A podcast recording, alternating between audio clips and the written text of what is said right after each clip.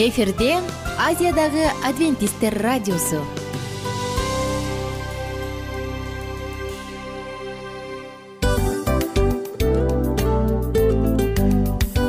Достор салют.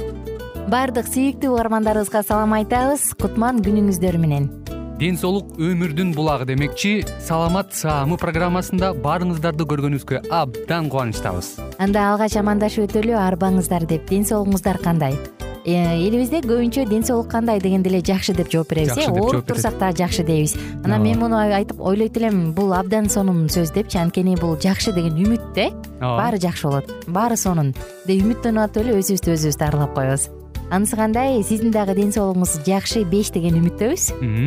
Чындыгында ден соолук бул өмүрдүн булагы деп бекеринен айтылган эмес деп ойлойм. Кыргыз элинде. Анткени эгерде ден соолук жок болсо анда адамдын жашоосунда калган баардык керектүү маңыздуу нерселер өзүнүн баалуулугун жоготуп коет. Ошондуктан ден соолук бул эң керектүү нерсе. Ооба туура айтасың кесиптешим. Чынында ден соолугуң жок бир эки үч күн ооруп калсаң эле кандай болуп калат? Жашоодо көз каранды болуп каласың көп нерсеге жетишпей каласың көп нерсени кыла албай каласың жада калса эшикке дүкөнгө да чыга албай каласың. Туп туура анан ден соолук болсо демек биз биздин бактыбыз тотой деп койсок болот. Анда достор саламат рубрикабызды баштайлы. Алдыда өзүңүзгө керектүү болгон сонун кеңештерди уга аласыздар. Мына ошондуктан биз менен бирге болуңуздар. Ал эми биз болсо милан жана айнура. Кеттик алга. Алга саламат саама ден соолуктун жарчысы. Саламат саама ден соолуктун ачкычы. Күн сайын сиз үчүн мыкты кеңештер сонун жаңылыктар кызыктуу фактылар биздин рубрикада.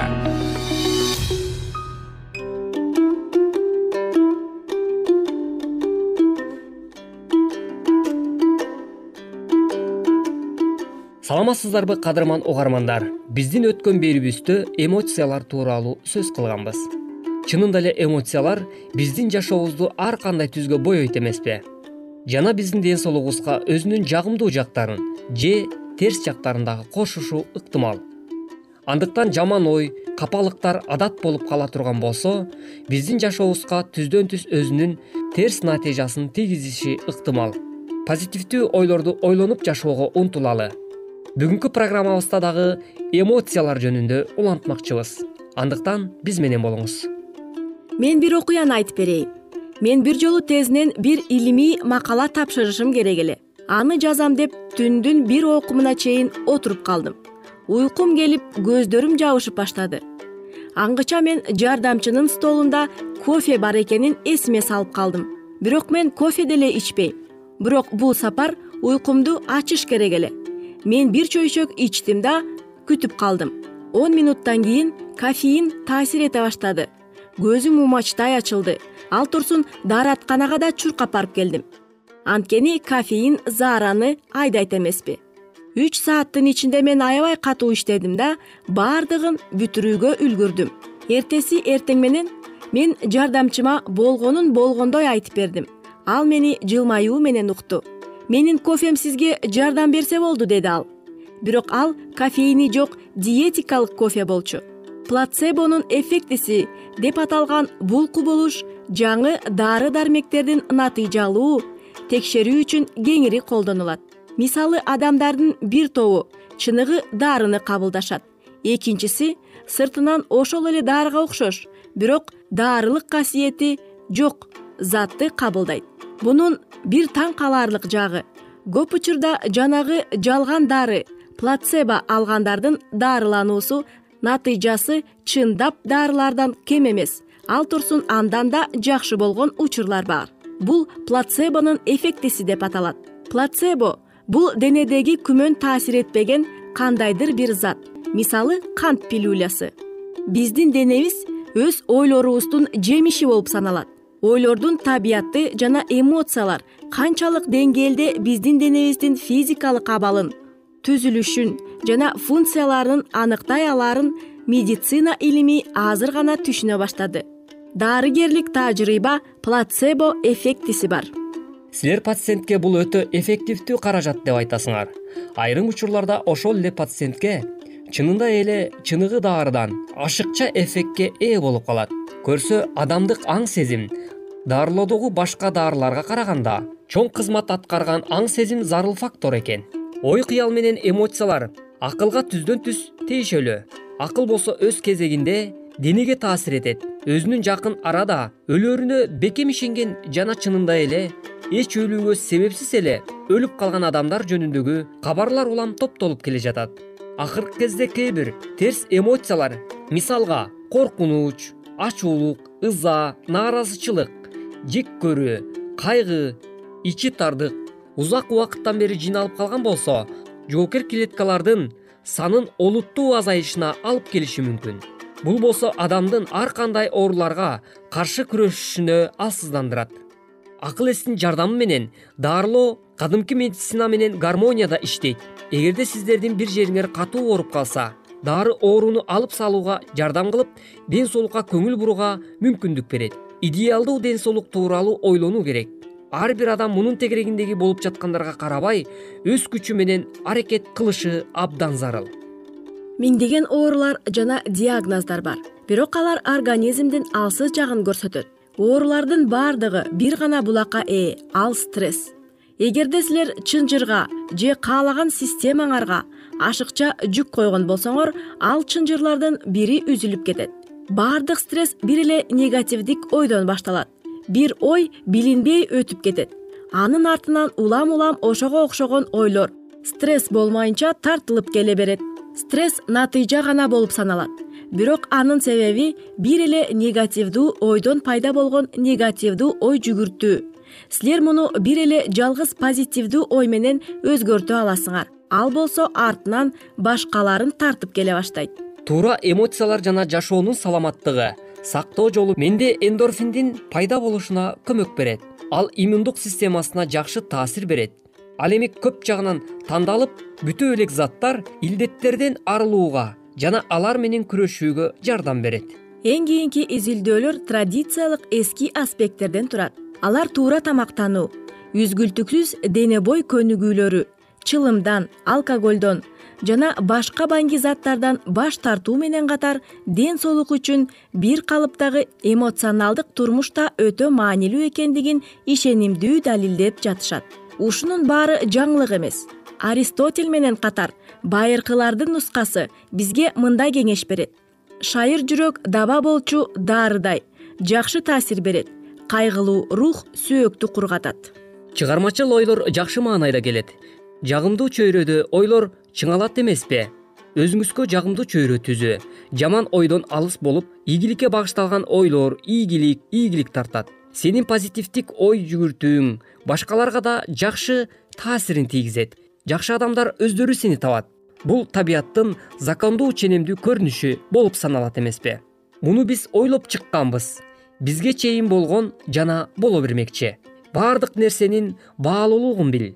Баскан кадамыңа ыраазы бол кубан көптү билип азды күт күнүгө миң мертебе шүгүрчүлүк билдир.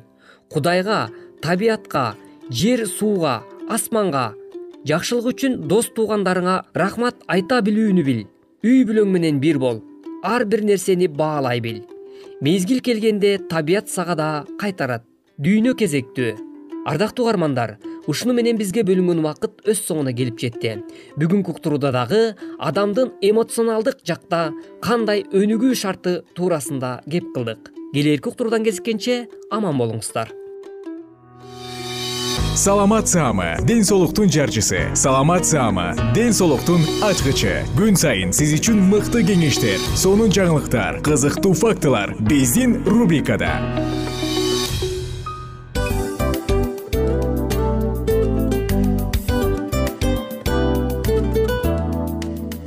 салам достор.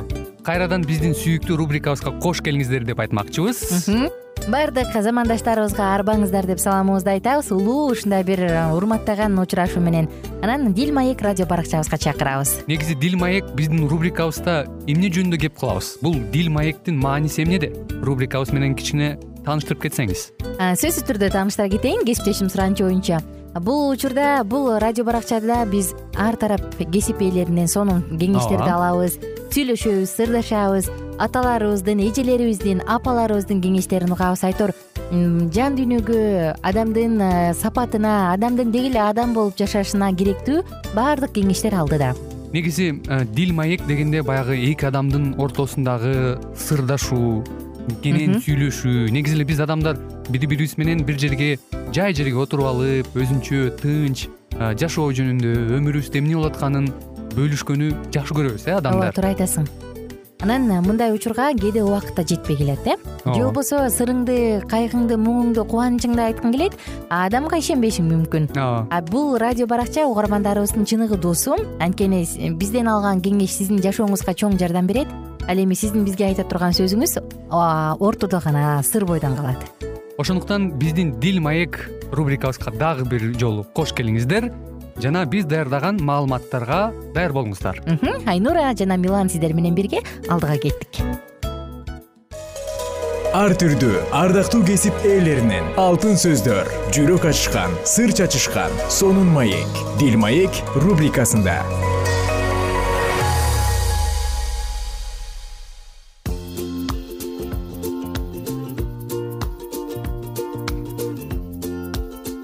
саламатсыңарбы биздин достор.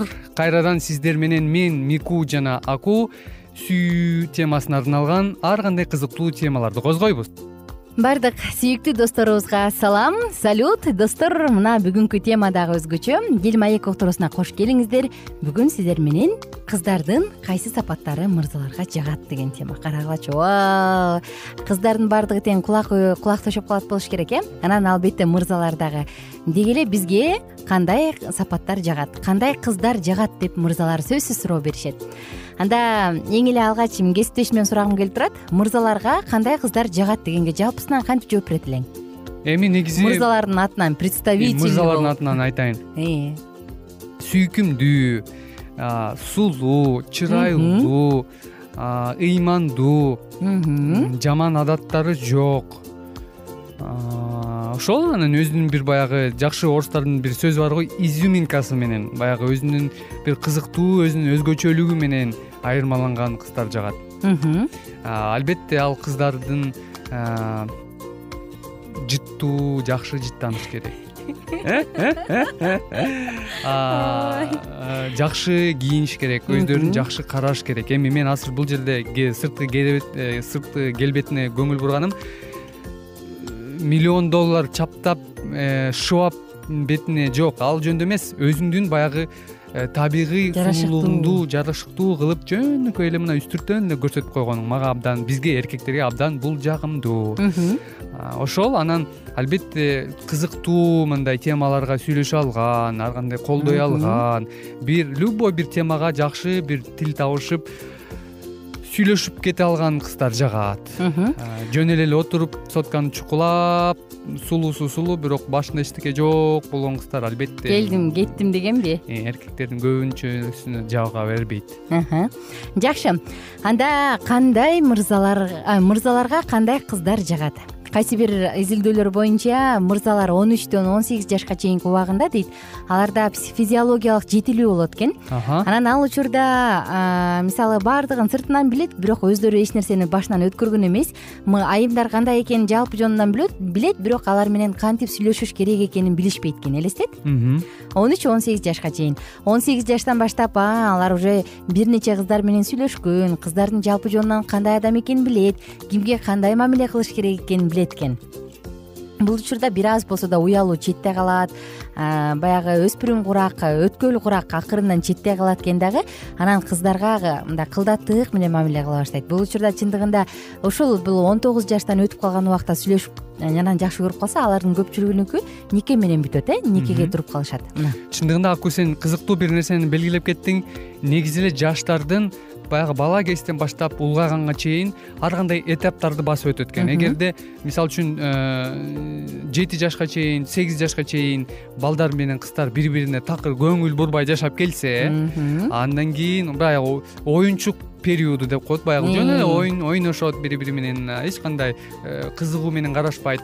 Анан он эки он үч жаштан баштап он алты жашка чейин ай бул эркек эле оюнчук ойноп жүргөндөр уже уяла баштайт жакшынакай турбайбы бул кыз? Деп бири бирин карап калышат экен албетте.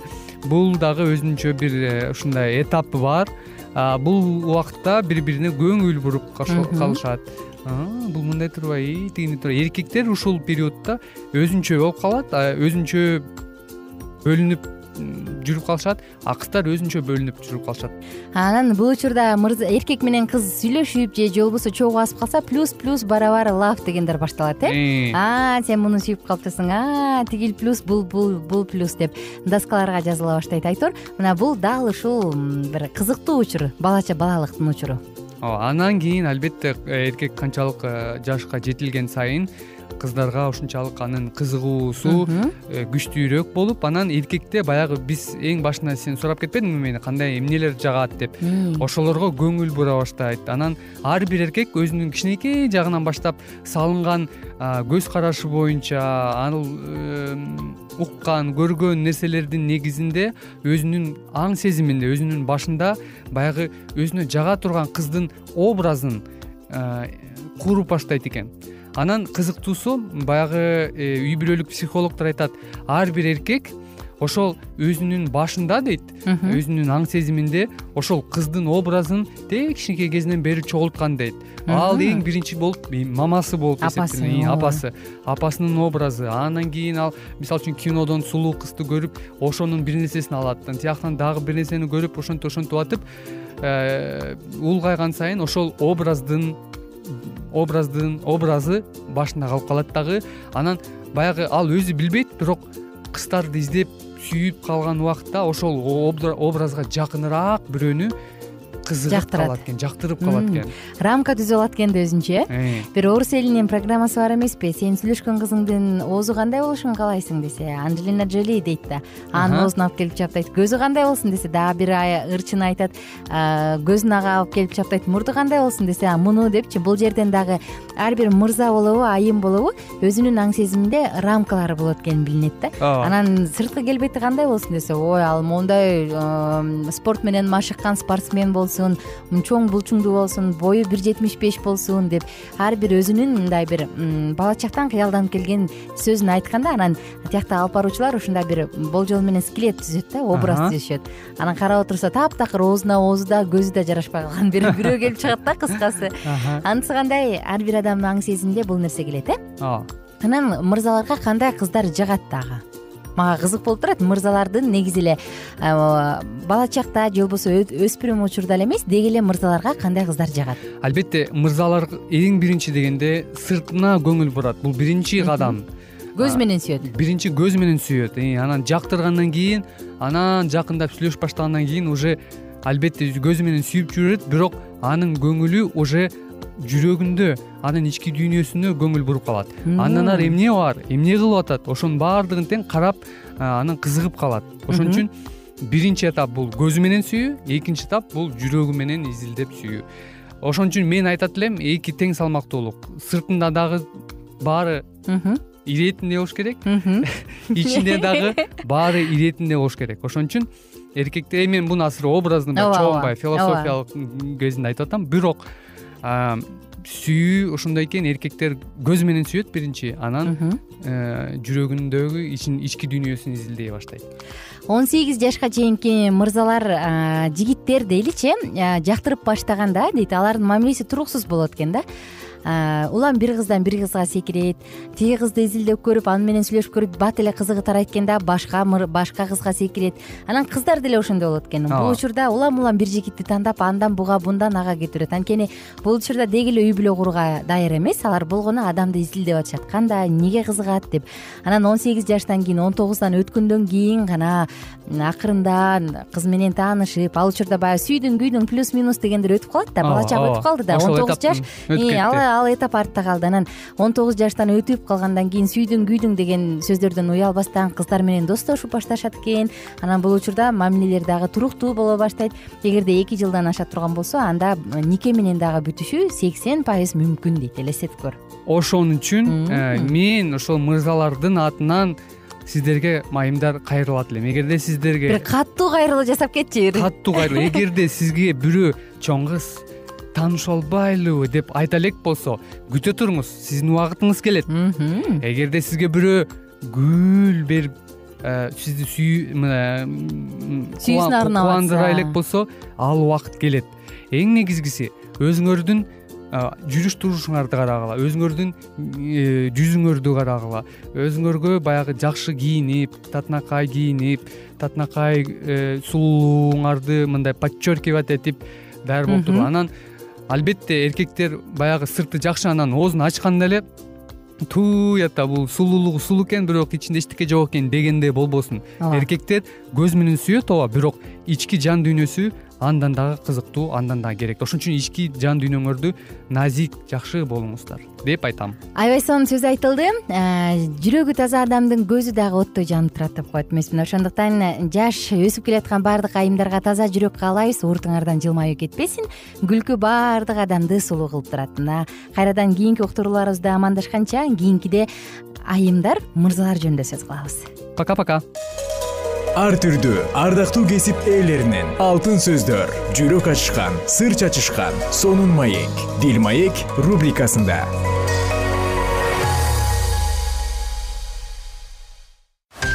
Жан дүйнөңдү байыткан жүрөгүңдү азыктанткан жашооңо маңыз тартуулаган жан азык рубрикасы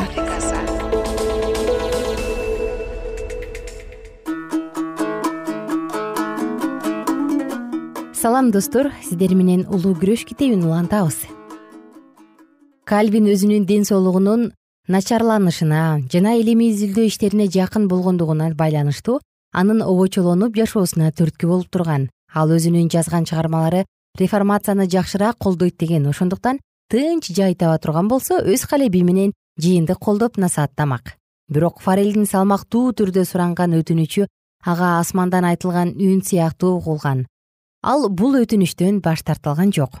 Ага кудай асмандан өз колун сунуп анын үстүнө койгондой сезилди. Жана анын эч кандай каршылыгын укпастан кальвин кетүүнү каалаган жерге аны кызматка койду. Ошол кездердеги протестанттардын үстүнө кооптуу коркунучтуу болуп турган женевага папанын кудайдын каргышын жарыялоосу башталды. Жана күчтүү мамлекет аларды жок кылып сала тургандыгын айтып коркутту ушул анча чоң эмес шаар кантип падышалар жана императорлор баш ийип турган бийликке каршы тура алсын? Улуу жеңиштерди алып келген аскердин алдында ал кантип туруштук бере алат? Бардык христиан мамлекеттеринде протестантизмди каардуу душмандар коркутуп турган. Реформация үчүн болгон биринчи жеңиштер өтүп кетти. Рим аларды талкылоо максатында жаңы күч топтоду. Бул учурда езуист уюму түзүлүп калган бул уюмга папалык эң эле каардуу башка көз карашка кошулбаган жана папанын көз караштарынын күчтүү күрөшүүчүлөрү чогулушкан. Алар жердеги баардык кызыктыруучу жана өзүнө тартуучу нерселерден алыс болушуп адамдагы чыныгы сезимдерди абердин жана аң сезимдин айыптап турган үндөрүн өлтүрүшүп алар өздөрүнүн уюмун кызматынан башка эч кандай эреже же болбосо милдет дегенди билишкен эмес. Бир гана милдети өз уюмдарын көбөйтүү жана таасирлентүү болуп эсептелген. Машаяктын жакшы кабары өз жактоочуларын ар бир коркунучтарды татыктуу тосуп алууга кыйынчылыктарды ачкачылыкты суукту ажыроону муктаждыкты чыдамдуулук менен баштарынан өткөрүүгө үйрөткөн жана чындыктын туусун жогору көтөрүп кыйноодон зындандан жана отко өрттөөдөн дагы коркпогонго жардам берген. Мына ушундай улуу күчкө езуисттер өздөрүнүн карама каршы болгон жана ушундай сапаттардан алыс кылган чындык менен күрөшүүчү фанатизмди каршы коюшкан жана аларга каршы ар кандай чара колдонуудан жийиркенишкен эмес. Алар колдонуп көрбөгөн кылмыш болгон жок. Алар өтө төмөн санаган алоолор дагы жок эле. Жана алар бара албаган куулук дагы болгон эмес. Түбөлүктү жакырлантып жана адамдарды төмөн басууга убада беришип өз уюмдарын байытып жана протестантизмди түп тамырынан жок кылуу папалык бийликти калыбына келтирүү алардын башкы максаты болгон. Бул уюмдун мүчөлөрү өздөрүн касиеттүүлүктүн кебине чулгашып зындандарды ооруканаларды кыдырышып оорулууларга жана кедейлерге кызмат кылышып аларга өздөрүнүн бул дүйнөдөгү кызыктыра турган нерселерден бөлүнгөндүгүн жана ыйса машаяктын жолун жолдошуп жер кыдырып жакшылык кылып жаткандыктарын айтышкан. Бирок ушул жакшылыктын артында эң эле кылмыштуу жана зөөкүр кытмыр ойлор бекитилип турган. Бул уюмдун эң башкы көз карашы каражат максатты куткарат болгон. Ушул максаттын негизинде калп айтуу уурулук зөөкүрдүк киши өлтүрүү жана жөн гана акталбастан бирок алар чиркөөнүн кызыкчылыгы үчүн болсо да баркталган. Өздөрүнүн чыныгы ой максаттарын жашыруу менен иезуисттер мамлекеттин жоопкерчиликтүү орундарына чыгышкан падышанын кеңешчилери дагы болушуп көп сандаган мамлекеттердин саясий иштерине өз таасирлерин тийгизишкен өз башчыларына чыңчылык кылыш үчүн алар кызматчылык орундарда калышкан. Алар төрөлөрдүн тукумдары үчүн колледждерди жөнөкөй адамдардын балдары үчүн мектептерди курушуп протестанттардын үй бүлөлөрүнүн балдарын өздөрүнө тарткан жана папанын жол жобо эрежелерин аткарууга үндөшкөн. Бул көргөзүлүп жаткан кооздуктардын баары жана католик жыйынынын жасалмалуулугу адамдардын көңүлүн кыялдануулукка буруу максатында эле. Ушул нерселердин жыйынтыгында балдар ата энелери эрдик менен күрөшкөн жана өз кандарын төккөн чындыктарды калтырышты. Бул уюм тез эле убакыттын ичинде түгөл европага тарап баардык жерде папалык кыймылдын өсүп өнүгүшүнө түрткү болду. Уюмдун колуна көп сандаган бийликтерди каратыш үчүн папанын атайын чыгарылган токтому боюнча инквизиция кайрадан калыбына келтирилди. Жалпы элдин жек көрүүсүнө карабастан ушул үрөйдү учурган инквизиция папалык башчылар аркылуу жада калса католик мамлекеттеринде дагы иштей баштаган. Анын жашыруун түрмөлөрүндө күндүзгү жарык чыдай алгыс өтө коркунучтуу мыкаачылык иштер жүргүзүлгөн. Көпчүлүк мамлекеттерден элдин жарыгы болгон жүздөгөн адамдар өлтүрүлүп жана качып кетип жатышты. Алардын арасында таланттуу жана жогорку билимдүү ак ниет жана белгилүү такыба жана кудайга берилген насаатчылар эмгекти сүйүүчү жана өз мекенин сүйгөн ата уулдар эмгеги сиңген окумуштуулар таланттуу сүрөтчүлөр жана чебер кол өнөрчүлөр болгон. Реформациянын жарыгын өчүрүш үчүн жана адамдарды мукадастан ажыратып аларды орто кылымдагы караңгылыкка ырым жырымды сүйгөн түркөйлүккө алып келиш үчүн рим ушундай курал колдонгон. Бирок кудайдын эрки боюнча такыба адамдардын эмгегинин арасында ал лютерди алмаштыра турган адамдарды чыгарып протестантизм таптакыр кыйратылып калган жок. Өзүнүн турмушка бекемделген күчү менен бул окутуу төрөлөрдүн жана алардын куралдарынын ырайымына милдеттүү эмес. Протестантизмдин бедели болуп эң эле кичинекей мамлекеттер эсептелген. Мисалы кичинекей женева. Анын душмандары аны курчап кыйратып салууну каалаган голландия түндүк деңиздин кумдуу жээктеринде ошол кездеги күчтүү мамлекеттердин бири болгон испаниянын зулумдугуна каршы эр жүрөктүүлүк менен каршы турган. Шалкын салкын швеция өзүнүн түшүмгө бай болбогон жери менен реформацияны жеңишке жеткирген. Кальвин женевада отуз жыл чамасында эмгектенди башталышында мукадастын адип ахлактуу таза окутуусун жолдогон жыйын тургузуш үчүн андан кийин реформацияны түгөл европага таратыш үчүн кызмат кылды. Өзүнүн жалпы билим берүү иштеринде ал ката кетирүүдөн алыс эмес болгон ал эми анын теориялары өзүндө көп сандаган жаңылууларды камтыган. Бирок ал чындыкты таратууда ошол кезге керектүү болгон протестантизмди колдоо жана папалык бийликтин таралып бара жаткан жалгандыгына каршы негизги роль ойногон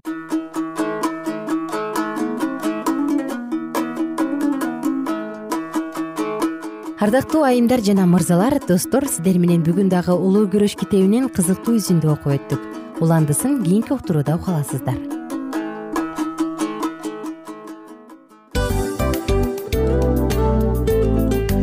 мына ушинтип убакыт дагы тез өтүп кетет экен. Биз дагы радио уктуруубуздун аягына келип жеттик келип кубандырдыңар эми кетип кубандыргыла деп тамашалап калышат эмеспи? Анысы кандай? Радио баракчабызды программабызды азыр эле баштап аткандай болдук элек. Мына соңуна келдик э? Негизи убакыт э, билинбей өтүп кетет экен мен дагы убакыт дегенде бүгүн бир адам менен сүйлөшүп калдым. Анан убакыт бул мүмкүнчүлүк деп айтып өзүмө өзүм айтып алып анан мага өзүмө эле кайра ачылыш болду да чын эле. Э, карап отурсаң ошол эле жыйырма төрт саат ошол эле жарым саат кайталанып атат бирок сендеги мүмкүнчүлүк жок ошол кой берилип кетти? Анысы кандай? Бүгүнкү сонун убактыңызды алтындай болгон жарым саатыңызды бизге бөлүп арнаганыңыз үчүн ыраазычылык айтабыз анан жашооңуздун кайсы бир сферасын өзгөртө турган сонун пайдалуу кеңеш алган болсоңуз анда биз максатыбызга жеттик. Анан ушул нерсени кылбасам десеңиз ошол өзгөрүүлөрдү кичинекей кадамдардан баштап иш жүзүнө ашырыңыз дагы жашооңузда чоң чоң ийгиликтерге жетиңиздер. Чын жүрөктөн ар бир берилген кеңештер сөздөр сиздерге пайдасын алып келет деп ишенебиз. Жана кийинки уктурууларда сөзсүз түрдө чыдамсыздык менен сиздерди күтөбүз сагынычтуу салам айтып кайрадан дал ушул жыштыктан баардыгыңыздарды тосуп алганча кызматта мен айнура жана кесиптешим милан анда кол булгалайбыз жалпыңыздарга ийгиликтүү күн. Саламатта калыңыздар